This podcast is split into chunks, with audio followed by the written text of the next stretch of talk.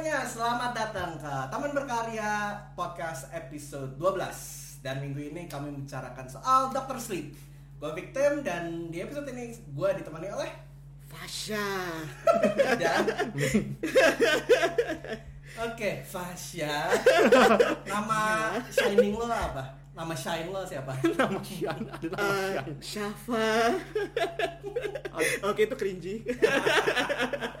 Oke, jadi untuk yang nggak tahu Dr. Sleep itu sequelnya The Shining Kalau dulu yang direct Stanley Kubrick, yang sekarang tuh si Mike Flanagan Mike Flanagan ya. dan dua-duanya diadaptasi novel diadaptasi dari novelnya Stephen King penulis kesukaan gue dan gimana menurut kalian kalian suka lu udah kasih summary dulu tentang.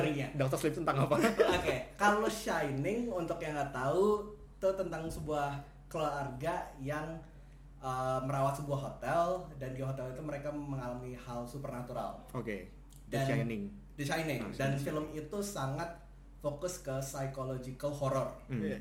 Nah, kalau di Doctor Sleep lanjutannya, bu, gue belum baca novelnya, tapi eh, filmnya nggak fokus ke psychological horrornya, tapi lebih ke supernaturalnya. Oke. Iya. Jadi ber- bertahun-tahun setelah kejadian The Shining dan anak kecil dari cerita yang The Shining udah jadi gede, Hmm. dan ternyata The Shining ini sendiri tuh sebuah kekuatan yang si anak kecil itu punya, yang sekarang diperanin sama Ewan McGregor, dan sekarang dia tahu kalau ada banyak orang di dunia yang punya The Shining itu. Oke. Nah ini ceritanya tentang dia menemukan orang-orang lain. oke Ya. Nah dari premis itu sendiri, kalian punya ekspektasi gimana nggak ke Eh, nggak terlalu tinggi sih sebenarnya. Eh, karena again ini eh, sequelnya The Shining dan Iya. juga sebuah sequel eh, untuk dari bukunya adaptasi sequel bukunya gitu Mhm. kan Eh, jadi sebenarnya nggak ada nggak ada minta sih ada sequel Shining sebenarnya kan. Eh, maksudnya pas gue lihat ada namanya Doctor Sleep sebelum gue tahu ada Mike Flanagan karena gue suka banget Mike Flanagan gue kira ya ini akan biasa aja sih. Gue kira ini akan flop malahan kayak nggak ada yang nonton gitu. Ya jujur gue ngeliat trailernya juga kayak, oh ini mungkin film horor biasa aja. Iya. Cemetery yang di awal tahun Iya. ini yang jelek banget. mungkin gak separah itu sih parah banget Oh, biasa pertama kali gue liat tuh trailer gue kira ini apa superhero movie iya kayak partnernya Doctor Strange, Doctor Ini gue Strange. kayak Dr. ini apaan superhero movie kan bahkan waktu di situ si Rebecca Ferguson Hmm. yang dia bilang gue gak pernah merasakan kekuatan sebesar ini sebelumnya Iya, what It's very DC. very DC Kayak- banget sih what ya, ya it's very DC karena sama-sama Warner Bros yang ngerjain. Iya. Tapi setel- setelah kita ekspektasinya rendah eh, setelah ngeliat trailernya pas waktu nonton pleasantly surprised kalau bagus sih. iya wow kayak itu wow, ini wow this is good. yes good gue bilang sekarang gue pengen nonton lagi soalnya sih Iya. langsung sih gue juga honestly gue gak keberatan sih gue ada yang ngajak gue Eh. sekali lagi that's how much I liked it Yang untuk gua personally gua aneh banget adalah gua nonton gua rewatch The Shining 5 menit sebelum Doctor Sleep keluar. Jadi ada beberapa adegan The Shining yang muncul di Doctor Sleep dan gua bisa ngeliat ini karakternya dulu aktornya beda deh. Kok ini kayak berubah.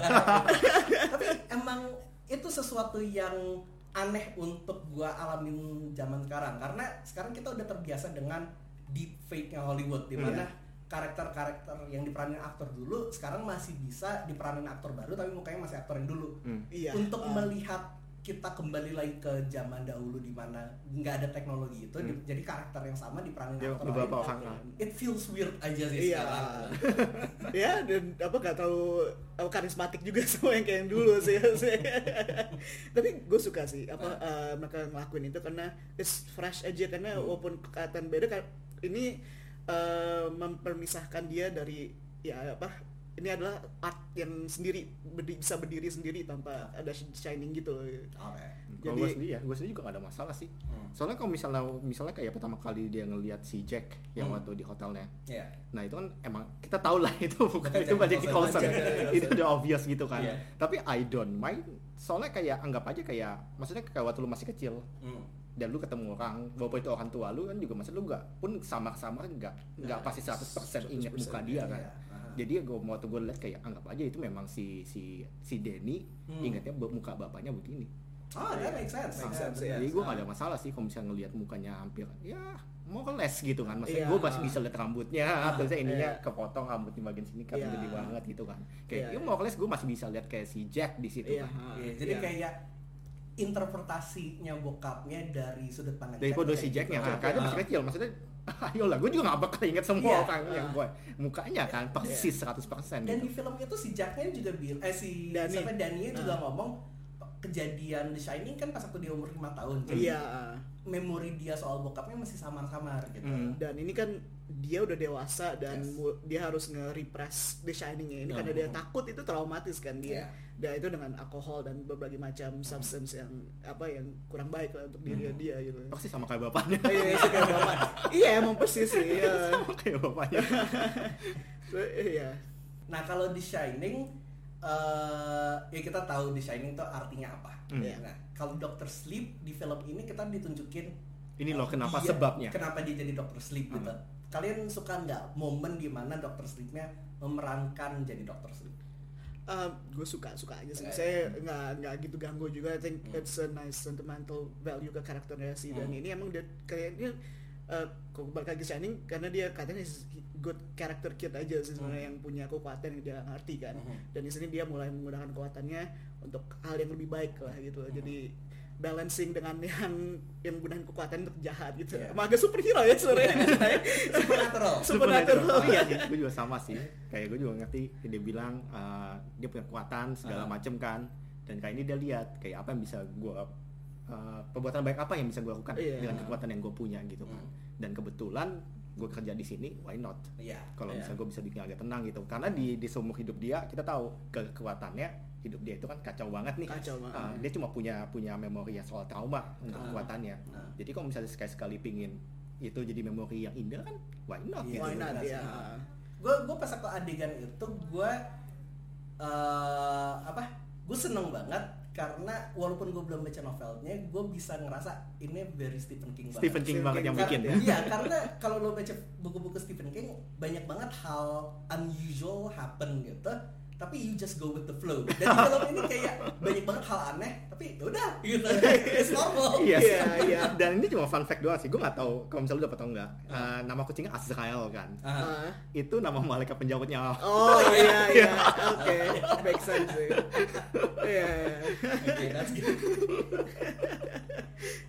Oke, eh, selain soal apa eh, penulisannya yang mengingatkan gua sama penulisannya Stephen King, eh, unsur eh, unsur yang diincar sama musuh-musuhnya itu gue teringat sama sebuah film lain.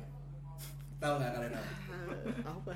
Monster Inc. Oh, Karena Monster Inc energi kan diambil dari ketakutan. Ketakutan, anak. iya. dan di sini di visually ketakutan anak dijadiin energi mereka. Iya. Gue kan nonton ini kayak, oh ini Monster Inc kalau jadi horor kayak gini. Monsters Inc yang lebih dark.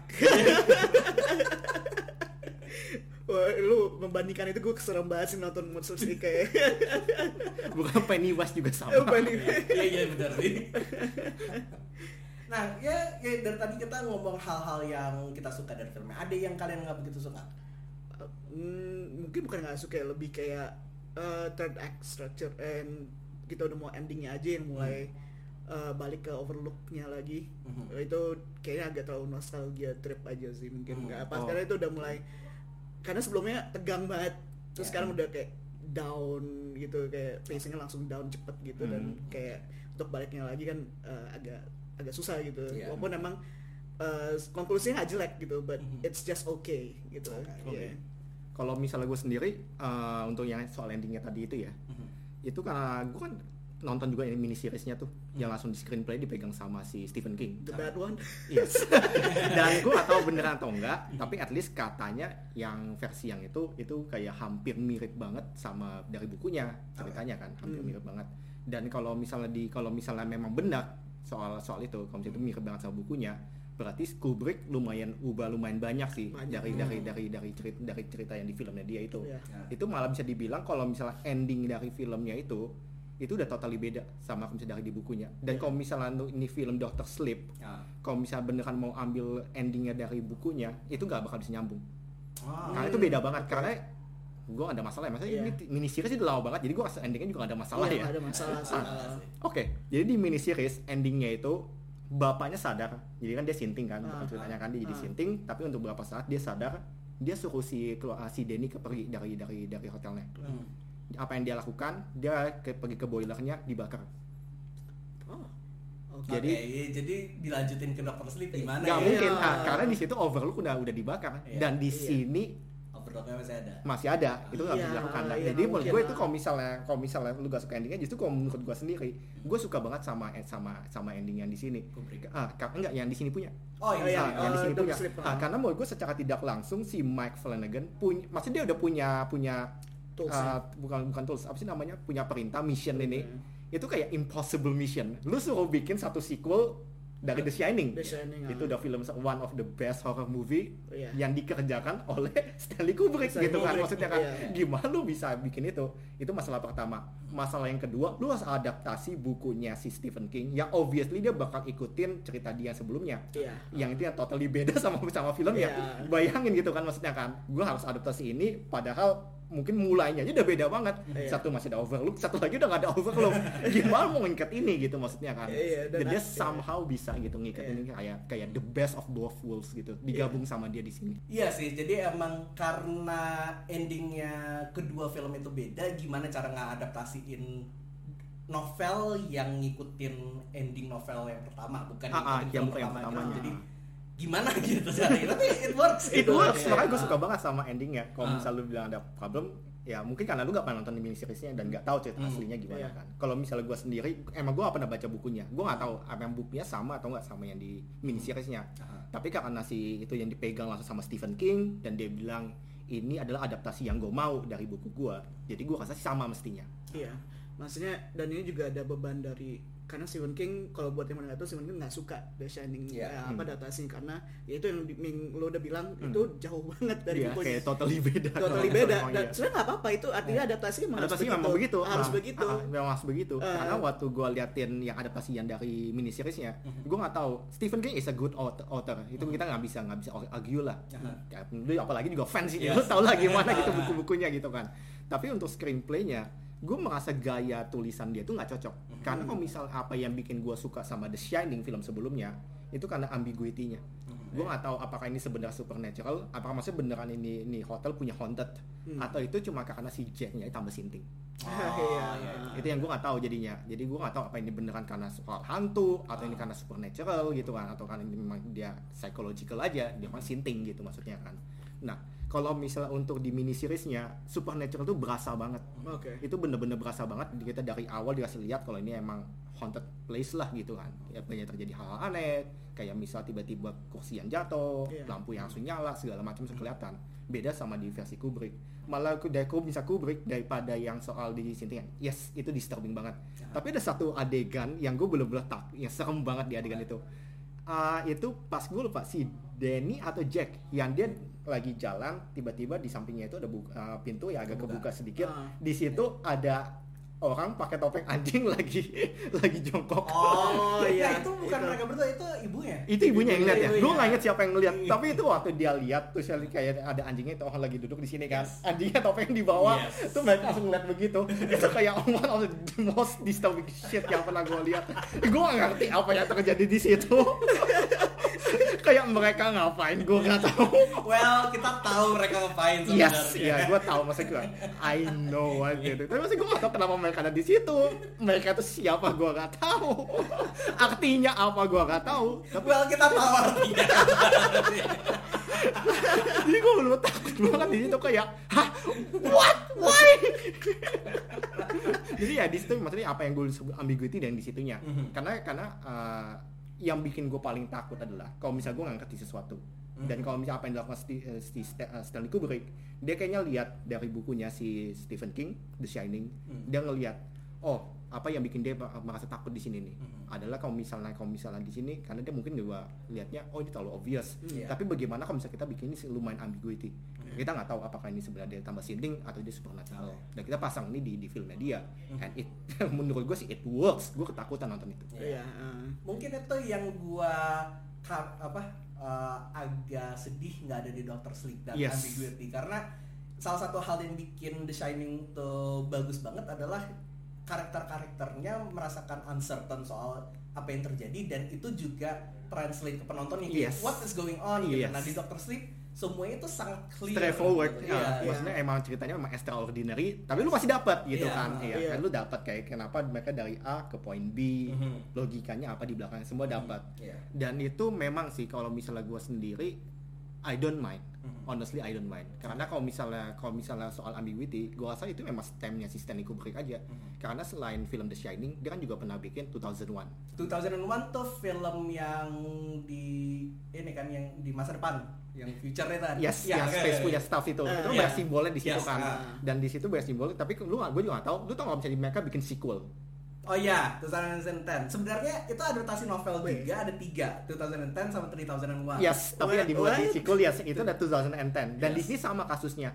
Dia hilangin semua soal simbolisasi, mereka bikin lebih straightforward. Ah, Dan itu juga masalah yang gue dapat di film Doctor Sleep ini. Oke. Nah, bedanya kalau misalnya di di 2010 itu dia udah bikin cerita lumayan straightforward dan kelihatan banget di ceramahnya. Hmm. Nah, jadi kan misalnya sebenarnya ada artinya kan di 2000 di 2001 artinya kenapa ma- terjadi hal ini. Itu dibuat kayak ini loh gue jelasin loh artinya apa. ya, itu yang bikin gue jadi down banget waktu gue nonton 2010. Di Doctor Sleep mereka nggak mau ke hal itu. Mereka nggak nggak coba untuk terjemahin kayak oh ini loh artinya bla bla bla gitu maksudnya. Mereka cuma lanjutin ceritanya aja. Iya. Iya. Jadi kayak kayak kita cuma kita cuma selesain satu aksi Denny aja gitu kan. Gimana soal orang yang punya masa lalu yang luar biasa traumatis, Mhm. sekarang dia gimana cara untuk em, eh, sebagai orang normal hidup sebagai di Mhm. society sebagai orang normal dia punya kekuatan ini apa yang dia lakukan dan dia coba coba coba bikin ini make sense lah gitu. Kenapa gue punya kekuatan ini? Kenapa hidup gue sinting segala macam. Dia lagi coba make sense di sini. Iya maksudnya in defense uh, dari semua ini ya Mike Flanagan emang bukan style dia untuk menjadi horror yang ambiguous Yes. gitu gitu. Ah, dan emang I think gue suka dengan cara mereka ini lebih gampang dicerna karena gue Hmm. ngerti ini kit- mereka juga mau ngasih lihat ke penonton baru. Kita kita ngomongin bertiga kita Iya. fan Shining Fans kita Shining, suka tahu. Kubrick Yes. tapi kan banyak banget yang belum pernah Nggak nonton pernah nonton Shining, nggak ya. pernah nonton Ah, Shining. Ma- Mike Flanagan harus mikirin itu dan juga harus mikirin orang yang yang, eh, yang nonton mikirin dan yang nggak suka yang nggak nggak suka nonton. nonton, dan, dan- dan somehow lu harus ikat itu semua semua gitu. itu semua dan yang kompleks yang di belakang produksi dan ini itu pressure-nya gede loh buat Ah, dia. Dan harus harus selling dan gitu-gitu. Maksudnya ya gue suka banget ini gampang dicerna tapi gue tetap have fun dan Have fun. nggak ini. Itulah yang dialamin Tim Miller buat Terminator minggu lalu. Jadi artinya lo ngerti sekarang kenapa Tim Miller ngelakuin itu. I still did not like that movie. I still, lu nggak boleh begitu Semua yang lo ngomong itu apa itu yang kita ngomongin waktu untuk Terminator kemarin ya So objectively lo harusnya suka Terminator. Dan si Mark Flanagan yang gue suka dari dia juga Ah. bahwa dia itu sam, ya beda sama Stanley ya Yes. dia bikin suka bikin ambiguity kalau misalnya dia itu lebih tekanin ke karakternya jadi gue Hmm. benar-benar kenal mereka itu se- semua karakter dia itu luar dalam kenapa Yes. mereka harus melakukan hal ini Ah. daripada mereka kasih lihat scare jam segala macam Hmm. dia lebih tertarik kalau misalnya kita eksplorasi soal karakternya Iya. itu kita pernah pernah udah bisa lihat kan waktu dia bikin di Haunting of the Hill House Hmm, terus saya juga waktu Gerald Skim dikasih lihat Gerald Skim tuh cerita yang gak masuk akal Iya. oke gue gue suka Kayak. Stephen King gitu. Apa Kayak- yang masuk akal dari Stephen King? kayak gimana lu cara bikin film tentang orang yang keikat Yes. diranjang gitu maksudnya kan dan The Mac Flanagan berhasil melakukan hal itu dia Iya. eksplorasi dia benar-benar jago banget dia ngerti kalau misalnya di sini adalah yang spotlightnya harus kasih lihat adalah apa yang terjadi sama ini orang Yes. bagaimana cara di soal batinnya dia itu menghadapi ini semua dan ya ini kita lihat juga di apa yang terjadi di di The Doctor Sleep ini Mhm. itu benar-benar filmnya dua setengah jam itu film yang lama tapi, Tapi menurut gue iya kerasa. dan menurut gue itu virtual karena sekarang karena emang filmnya lama tapi di saat yang bersamaan dia kenalin semua karakternya iya Benar. ah, dan itu memang perlu waktu yang lama Iya. biar gue bisa peduli sama mereka iya iya. Ngomong-ngomong soal karakter, Hmm. eh, emang karakter-karakternya dieksplor dan juga yang bikin karakter-karakter yang bagus adalah performance ya. yes, Yes. Dan apa karakter utamanya bukan si Ewan McGregor ya, tapi yang jadi anak kecilnya Yes. bagus banget. bagus, banget bagus banget Gue gue nggak pernah ngeliat a child performance sebagus itu. itu yes Gue pengen nge-follow karir Rata ya gini loh dia dia tetap acting jadi anak kecil Iya. tapi di situasi yang yang supernatural dan kayak supernatural gitu. dari satu adegan dia harus acting bukan jadi anak kecil bukan jadi anak kecil iya Bener. Mind blowing banget sense gimana dia bisa sebagus itu? Dan gue nggak tahu dia siapa gitu maksudnya. Where have you been? Gue mau tahu acting coach dia siapa gitu. Sama tuh lagi yang cameo dari si Jacob Tremblay Oh, iya. yang- itu iya, juga pertama kali gue pertama kali lihat dia ada di situ gue kan nggak ngerti Mhm. kenapa lu pakai muka yang familiar untuk ad- untuk karakter Iya. yang cuma keluar sebentar doang Iya, ah. tapi apa yang terjadi sama karakter itu what he've been going through Hmm. itu menurut gue memang perlu dia sih Yes. kalau misalnya untuk aktor biasa gue nggak yakin me- mereka bisa sell itu Itu Iya. performance Jacob Tremblay itu gila. Iya itu masuk ke horornya sih. Ini Iya. bukan horor yang jump scare or anything Iya. like that. Mike Flanagan emang lebih suka yang subtle. Hmm. Mungkin di situ ambil gitunya di horornya. Iya. Ya eh, apa? Iya lo benar, ini horornya tuh bukan horor yang fantasi walaupun film ini supernatural fantasy banget. Hmm. Apa yang terjadi di adegannya Jacob Tremblay itu horor yang realistic itu realistik realistik banget, banget, ah. ah. dan gue kalau misalnya nggak pakai dia Ah. gue nggak yakin kalau misalnya aktor yang lain ya mungkin bisa aja Bisa, cuma gue untuk sementara gue nggak Ah. bisa kepikiran aja Ah. ada saat kayak a kids actor yang bisa melakukan hal itu Ah, dan satu scene dengan Jacob Tremblay itu disturbing banget. Yes. itu disturbing banget sih banget sih. itu gue menggigil beneran gue gak bisa lihat ini ya, hati-hati aja sih maksudnya nggak suka Iya, terlalu benar-benar. disturbing ini lumayan disturbing Iya sih, Ya, sih. kita kita harus ngasih tahu juga ke penonton kalau film ini emang dewasa sih. Jadi eh, dengan apa subject matter kayak gitu, kalau bisa jangan bawa anak-anak dan kalau kalian gak bisa Ngeliat. tahan melihat adegan-adegan di mana a- ada anak kecil mungkin sampai teriak Iya, segala gitu. macam mungkin kesakitan jangan Ah. ditonton sih. gitu. Kayak kita akan rekomend film ini karena filmnya bagus, tapi kalau kalian nggak bisa tahan itu lebih baik jangan sih. Iya, ah. Ngomong-ngomong soal adegan-adegan yang mungkin gak semua orang bisa tahan, Ah. gue gue pengen memperkenalkan sebuah segmen baru di podcast Oke, kita. oke. segmen ini judulnya adalah bitching about LSF. udah gue juga. Gue dari awal kayak kenapa lu pasang rated kalau kayak gitu. Ya Tuhan. Stop it. Oke. Oke, gue gue gue dulu. gue gue gue suka cara mereka sensornya kali Iya. ini gue suka oke itu aja. On one hand bagus. Karena ap- ka- ka- karena yang satu bagian yang disensor itu emang bagus as in uh, adegannya nggak dipotong Ah, iya. dan kita nggak nge-crop zoom in banget Iya, gitu. itu kayak di dia. Deadpool Iya. kita tuh zoom in banget sampai pixel-pixelnya bisa kelihatan Iya. sedangkan ini the whole frame masih kelihatan dan satu bagian yang disensor Iya. dari sisi itu gue senang Gua senang. tapi di sisi lain adeg shot berikutnya adalah narkoba di meja dan itu iya juga disensor iya why kenapa lu pasang rated kalau kayak gitu nah itu itu kenapa segmen bitching about LSF di mana kenapa orang-orang LSF tuh goblok-goblok? Kayak mereka tuh udah buat sebuah klasifikasi. Pakai lah.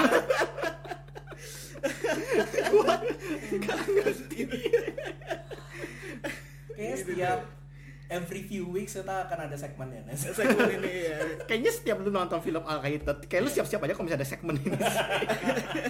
Tapi kalau mau agak permanen gue mendingan kayak gitu sih daripada Iya. maksudnya ini eh, sensornya kalau bisa describe kayak sensor TV cuman lebih berkualitas. Iya. Yang mana bedanya sama sensor TV Iya, biasa? maksudnya maksudnya lebih masih ma- masih kelihatan ya integritas dari shot itu gitu. Maksudnya nggak ada yang dirubah ya, nggak ada yang dirubah keman gitu di sensor TV misalnya gue pernah ngeliat Jack Reacher di, di TV Ah. Terus si Tom Cruise yang lagi megang senjata di sensornya diburuminnya satu kotak gitu iya Iya. sedangkan kalau di sini at least di mask lah lebih niat itu. Iya. bentuknya Iya kan orang iya. yang ngesensor ngerti Adobe Premiere Iya, iya, iya itu paling ya. so ya di satu sisi ini kompromi yang paling oke Iya, paling oke tapi lah. at least untuk ke depannya gue pengen mereka pintar dikit lah kayak kalian punya klasifikasi terapin penonton tuh nggak segoblok kalian. Iya, I know, I know, iya. lu yakin penonton gak sebelok kali most of the penonton nggak segoblok Masalahnya tuh juga kemarin eh, pas gue nonton, Ah. ini tetap ada anak kecil sih yang nonton. ya kan Itu gue Oh, kesel. tadi kayak lu yakin penonton gak sebelok kali Kayaknya ada yang bawa yang seumuran balita juga gitu kayak. mereka mereka nanya eh itu kok diburemin Nggak. kan itu mirip mama itu kacau sih kayak why why did you bring a kid here gitu oke jadi mungkin 50% penonton goblok oke aduh kenapa coba Oh iya, eh, untuk menaikkan moodnya lagi dari keburukan pengalaman kita nonton Doctor Sleep, Iya. gue mempunyai gue personally, Hmm. gue mempunyai pengalaman yang seneng banget nontonnya karena gak cuman film favorit gue sepanjang masa ada di bioskop. Hmm. Jadi gue bisa nonton Casablanca di layar Layar lebar ya. Walaupun cuma 50% tapi gue bisa ngeliatin Ah. gimana rasanya di bioskop itu. Tapi company favorit gue, Rooster Teeth, Ah. itu ada di film itu. Uh, lo bisa ngeliat posternya di belakang, posternya Ruby. Dan uh, kalau kalian nggak sadar, gue nggak mau spoil sih, tapi si tokoh utamanya si siapa Abra, Hmm. dia sempat ngelawan musuhnya menjadi salah satu karakter Ruby. We need to talk about that. Iya. nanti nanti soalnya gue gue nonton gue nonton Ruby Hmm. tapi honestly gue gak dapet Ah. jadi kalau misalnya sini mungkin agak susah karena kita nggak boleh spoiler Iya. tapi udah selesai selesai podcast gue bakal nanya itu Oke, yang mana iya. Tapi nggak maksud gue, gue menyebutkan ini karena ini sebuah company kecil yang berawal dari mereka buat machinima dari game Hal- Halo Iya. dan sekarang jadi company yang gede mereka buat banyak banget produk dan akhirnya mereka uh, kerjasama sama Warner Media. Hmm, itu gue Jadi tahu mereka dalam satu company dengan Warner Bros. Yes. Ah. Di mana sekarang mereka bisa gunain integrasi itu. Yes. Kenapa Ruby ada di situ ada di situ Iya. gitu. Jadi gue seneng aja company yang gue suka company yang mulainya kecil sekarang tuh bisa gede udah gede Ah, gitu. iya. Jadi itu kayak jadi inspirasi untuk kita untuk juga. kita juga Iya, untuk kita Ya, juga. saya kira semuanya pasti pingin kayak gitu kan Iya. ujung-ujungnya kan Dan- semua iya. mungkin kita masih pakai aset yang dari luar Mhm. Disney juga pakai Halo oke Iya, dia iya. pertama kali pakai Halo gitu Pakai ya. game Xbox pakai gitu. game Xbox gitu kan tapi akhirnya dia bisa bikin yang mulai sendiri-sendiri punya Iya. akhirnya dia bisa sekarang punya IP nggak cuma satu nggak cuma Iya. Ruby doang dia bikin beberapa lain gitu kan Dan kalau nggak salah Ruby sama atau Red versus Blue ada di Netflix ya kalau nggak salah. ya. Uh, Red versus Blue. Eh, Red versus Blue ada di Netflix. Dan uh, series terbarunya mereka judulnya Genlock Iya. ada di Itu bagus. Max. Itu bagus. Itu Itu bagus. nonton juga. Gue nonton Ah. uh, sekitar dua episode atau tiga episode gue nggak inget Hmm. Udah, belum gue lanjutin lagi sih Ah. tapi apa yang gue di situ gue suka Yes. Itu kayak mereka ambitious banget and it pays off. sih. yes Iya. dan pengisolnya itu Michael B Jordan Eh, Michael B. Michael B. Jordan, B. ada Dakota Fanning, ada si Arya dari David Game of. Thrones, David Tennant. Iya. kayak dasar kan kayak what lu kayak macam ngumpul itu semua Dan itu that took them 10 to 15 years ya untuk nyampe Untuk sini. buatnya Ah, butuh waktu lama sih, waktu tapi lama. ya it was it, it was worth it aja. It sih. was worth it sih. Kita bertiga emang suka harus it sih. Nah itu hal-hal yang kita su- semua suka, gue dan gue personally suka yang pas satu soal Ruby itu. Tapi satu hal yang agak uh, gue ngerasa aneh nontonnya yaitu pas waktu di awal film kita kayak ngeliat flashback apa yang terjadi di Shining, Hmm. aktor-aktornya beda. Hmm. Iya. Dan karena gue nonton The Shining 5 menit sebelum ini, gue kayak what? Gitu. Tapi it makes sense pas waktu lo ngomong uh, ini semua tuh dari interpretasinya si Si si Danny, Danny, gitu. Jadi it makes sense kalau aktornya bisa beda. Nah, itu kalau bisa di in in universe dia Iya, sendiri kan. iya. Tapi kalau misalnya kita liatin ini karakter tiga orang ini kan lumayan ikonik nih. Mhm. Si Jack, Danny, dan Wendy. Iya. Itu lumayan ikonik. Maksudnya Oh, semua orang pasti kalau misalnya ngomongin si Jack, gua harus ingetnya Jack Nicholson gitu Yes. maksudnya Ah. kan. Nah, kalau jadi menurut lu gimana waktu mereka recast ini semua orang? Nah itu awalnya gue ngerasa aneh gitu sih. Jadi gue kan nonton ini sebelum kalian dan gue ngasih tau Fasya 15 menit pertama gue nggak tahu lo bakal suka atau enggak sih Ah. karena gue sendiri agak aneh gitu. Tapi setelah gue dengar penjelasan lo, gue udah bisa nerima. Hmm. Iya. Kalau misalnya itu, jadi berarti lu gak ada masalah orang ini semua diganti dan mereka menurut lu berasa nggak kayak ini Wendy yang sama yang kayak kali gue lihat. Nah eh, kalau soal Jack dan Danny yang pas waktu kecil, iya. Tapi kalau Wendy enggak, karena gue masih ingat Wendy tuh orangnya sangat cheery tapi sangat awkward. Sedangkan kalau di sini Wendy nya manis. Jadi kayak She's hot.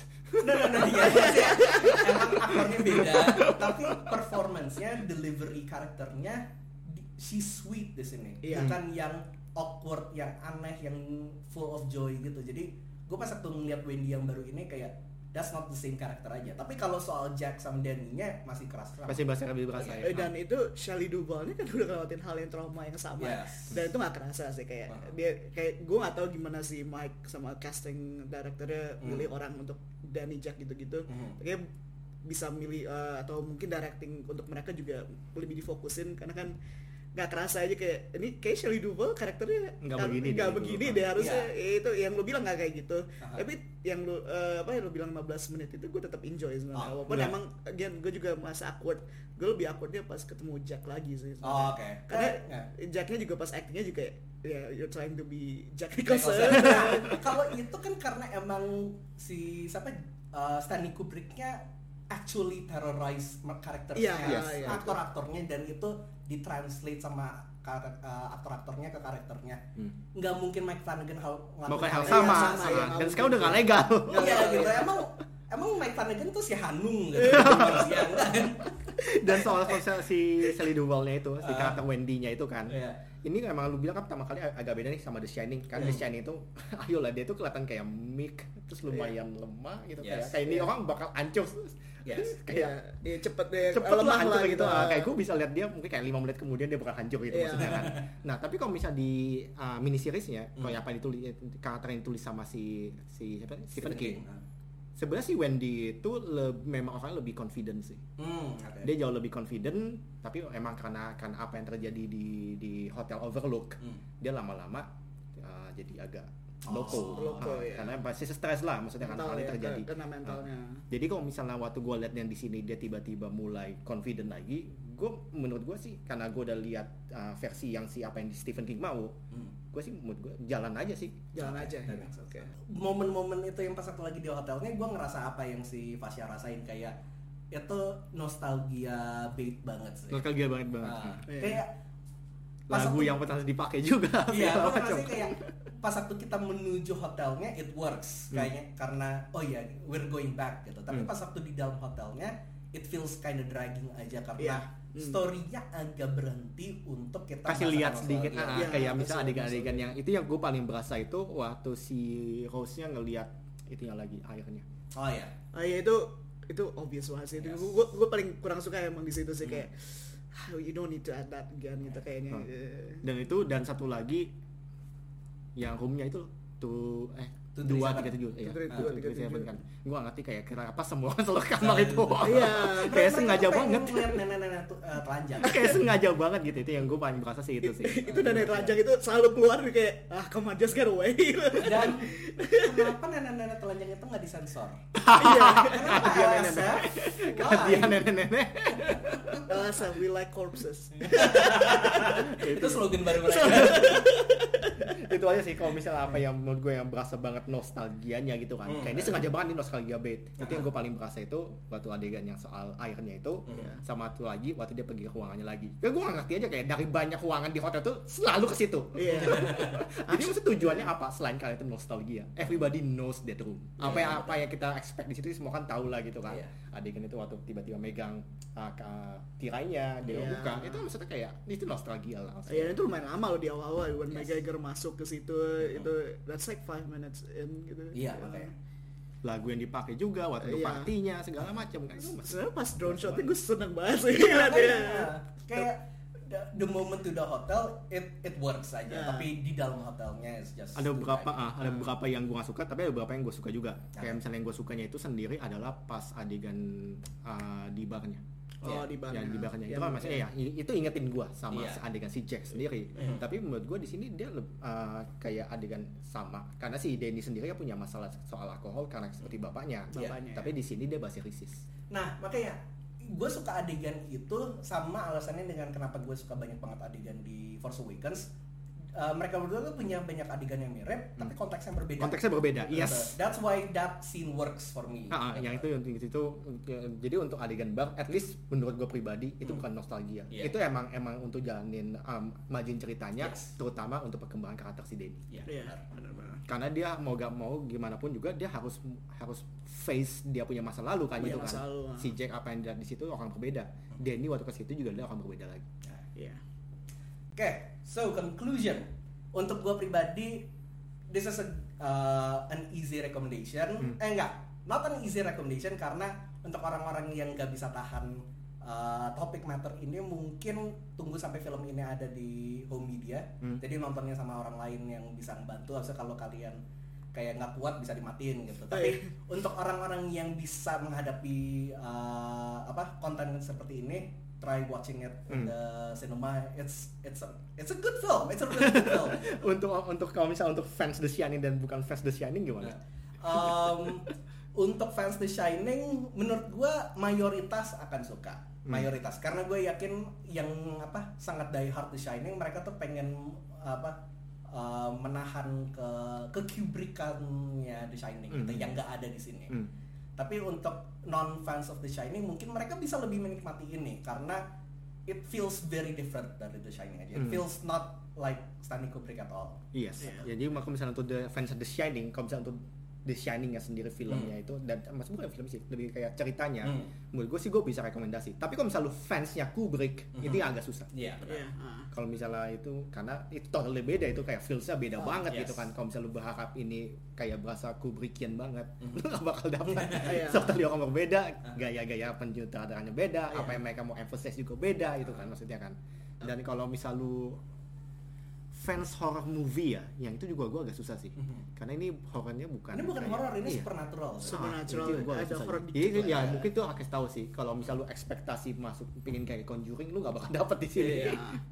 Iya, kalau buat gue sih, kalau dari itu kalau gue pikir itu kayak untuk hardcore Kubrick fans yang emang oh gue apa bikin-bikin teori-teori tentang Hmm. 2000 buat eh, room 237 gitu gitu. Hmm. Cuman kayak buat basic eh, yang ngerti bahwa Shining itu separate dari novelnya dan bisa ngekritisasi berbeda dan mereka Hmm. Berdua pasti akan enjoy Doctor Sleep sih. Oke. Semestinya sih semestinya enjoy bisa enjoy Doctor Sleep karena kalau buat gue eh, buat yang belum pernah nonton Shining atau apa pun kayaknya ini bisa juga eh, s- apa bisa menarik mereka untuk nonton The Shining gitu loh. Hmm. dan mungkin gue berharap mereka bisa melihat perbedaan bahwa ya ini eh, The Shining berbeda genre dengan Doctor Sleep gitu loh nggak- dan nggak akan bisa sama gitu. Dan gue akan rekomendasi film ini sih. Dan karena gue sayang aja kita nggak banyak yang ngomong banyak hal cuman gue suka villainnya juga Oh, yes, iya, benar. Close the Head. Kita Iya, belum Close ngomong the itu. Kita ngomong soal film Oke, dulu. satu kali, satu kali lagi. Iya. Kita atas sih ngomongin Close the Head sebenarnya. si Rebecca Ferguson. Rebecca She's awesome. Apa yang kalian mau nambah? She's awesome, she's scary. Gue tahu kenapa dia melakukan hal ini. Yes. Maksudnya kayak ini menurut gue ini perfect casting aja sih. Perfect casting, Perfect, perfect casting aja menurut gue kan. Soalnya apalagi kalau misalnya kayak Rebecca Ferguson yang pertama kali gue lihat itu dia main di Mission Possible. Iya. Kalau Iya. salah kan yang yang, yang Tom Cruise kemarin itu Iya. kan. Dan di sini dia mainnya seorang beda lagi Yes. gitu. Dan walaupun dia orang jahat, tapi gue uh, lihat dia ini orang sebenarnya peduli banget sama keluarga dia. iya iya itu kerasa banget itu sih. kerasa banget menurut at least menurut gue pribadi kan. Dan Ah. dan dan si Rebecca itu berhasil uh, convey that information ke gue. Gue tahu Iya. ini orangnya gimana, dia peduli segala macam. Gue gue dapet sih. Oke, nah lo tadi ngomong eh, si Rose-nya tuh sangat peduli sama keluarganya. Hmm. Gue bisa ngeliat itu kalau karakter Rose dan performance-nya bagus. Hmm. Cuman yang sayang gue nggak bisa ngerasain adalah eksplorasi ke keluarganya sendiri. Yes, Iya. itu agak agak kayak kita kita nggak tahu nama-nama mereka kita nggak tahu mereka tuh siapa mereka maunya apa gitu Hmm. dan uh, mereka tuh waktunya sangat sedikit di filmnya Iya. Iya. walaupun adegan mereka banyak tapi kita ngelihat masing-masing karakter tuh sangat sedikit dan uh, ya apa yang mereka lakukan ya gue kayak akhirnya nggak begitu nggak kamu peduli aja apalagi waktu gitu. terjadi hal yang di belakang-belakang itu Iya. kan saat hal itu terjadi Iya. gue nggak gitu peduli sama sama sama anggota keluarganya Hmm. tapi gue peduli sama si Rebecca nya waktu itu Iya, benar. kayak Rebecca-nya, nah, ya. itu gue peduli kayak "Hi, kalau misalnya dia snap gue ngerti kenapa dan pas waktu dia snap bagus banget sih Iya maksudnya itu banyak banget sih ada 8 orang di cult Iya. itu dan apa? Nggak bisa diomongin bisa siapa diomongin terjadinya. siapa. Kita cuman bisa. Iya. cuman gue menurut gue mereka memor- memorable sih. Even gue aja hafal sekarang namanya Crow yang laki-lakinya Hmm. yang suka sama Rose. Yang bukan suka sih emang dekat sama Iya. Rose. Terus Grandpa Fleck yang kelihatan banget apa dia menacing gitu gitu ada si selain mereka berdua siapa lagi? Snake. Snake yang mana? Snake yang rambut blonde eh, pendek yang, Yang dia cewek, baru baru di apa, yang baru diambil. Baru diambil. Itu Snake? Namanya I Snake. guess lo so kan dia namanya Snake punya so dia punya punya oh iya benar. Signature. Eh, itu kan. signature Ah, selain itu. Abis itu gak ada nama lagi gitu. ada yang disebutin Lo kan sebutin nama lagi. disebutin tapi kayak kita nggak peduli ya Iya kalau itu gue gak ya, peduli. ya, ya. Cuman yang kelihatannya masih ada screen time Iya, yang lumayan. bertiga eh, emang emang kerasa gitu Iya. maksud gue. Dan emang apa ini emang sebenarnya kayak karakter pembantu untuk si Rose jadi Mhm. sebuah karakter untuk yang kita ya, suka aja. karakter itu biar biar untuk uh, develop karakter si Rose sih Iya, mereka tuh kayak supporting aja gue gue ngerasanya kayak kalian udah nonton Matrix pertama kan yes Oh, iya. di Matrix pertama kan eh, krunya Nebuchadnezzar tuh eh, ya kita tahu fate-nya mereka kayak gimana tapi at least kita dapat waktu untuk tahu oh masing-masing karakter personalitinya kayak gimana ah beda-beda jadinya gitu. iya gitu dan mereka di The Matrix tuh mereka ngasih waktu dikit untuk nge-flash out masing-masing karakter itu gua jadi gue bisa bedain satu gitu. orang sama yang lainnya gitu Yes, kan lu bisa iya. bedain Iya, bisa bedain. Kalau di sini ya sih gue juga gue kan baru dapat sih. Ini apa memang kalau misal lu bedain apa bedanya antara si crow dan snake gue pun nggak bisa jawab. Makanya Kalau rambutnya kayak Charles Manson gitu. yang satu cowok yang satu cewek Satu German guy kinda gitu. ya gue juga bisa iya sih gue nggak bisa bedain sih Iya, iya. Maksudnya they're not annoying, paling Iya. enggak gitu. Mereka bagus dan Hmm, cuma mereka berasa banget sih kalau mereka itu di situ cuma untuk nge-push the story The line. storyline. mereka itu bukan karakter gitu maksudnya. dan gue suka satu hal lagi banyak diverse characters, diverse actors di situ. Iya. Tapi of course the main character harus a white male guy. It, ayolah itu ini juga a white male boy. Iya. Kemudian dia black gitu kan. Pengen jadi social justice. Ngomongin tentang dia tuh a white male boy. Eh lo kalau bahasa saja suara kayak Rebecca Ferguson. I never seen a female villain like that before. Oke, oke, that's it. Oke Female virus Lock Oke. Female villain Rebecca Ferguson. Gue bakal keberatan kalau mereka. Mereka tiba-tiba mau bikin satu spin off untuk ngomongin dia. Iya sih, sebenarnya walaupun kita nggak ngabisin waktu lama dengan keluarga Rus, kalau mereka buat spin off perjalanan hidup Iya, dari pertama kali itu nyampe sini kan. ah. Eh, Karena kan si nggak sempat ngomong mereka hidup sejak zamannya Gladiator. Iya, Iya. jadi kita sempet gitu. lihat nonton Yes. Gladiator kayak gue pengen tahu aja. Nah. Apalagi waktu mereka soal tak ngomongin soal The Shining, orang yang punya The Shining zaman sekarang di zaman dahulu gitu. Hmm. Gue pengen tahu aja sih bedanya gimana. I mean ini cuma karena gue lagi berpikir sinting aja. Lu bisa bayangin nggak? Ternyata si Jesus itu sebenarnya salah satu orang punya the, punya emang punya The Shining. The Shining gitu Kalau main Assassin's Creed, Padahal di film sebenarnya linear aja Tapi kita bikin teori kayak seolah-olah ini filmnya Stanley Kubrick bikin The Shining gitu that's the power of Stephen King.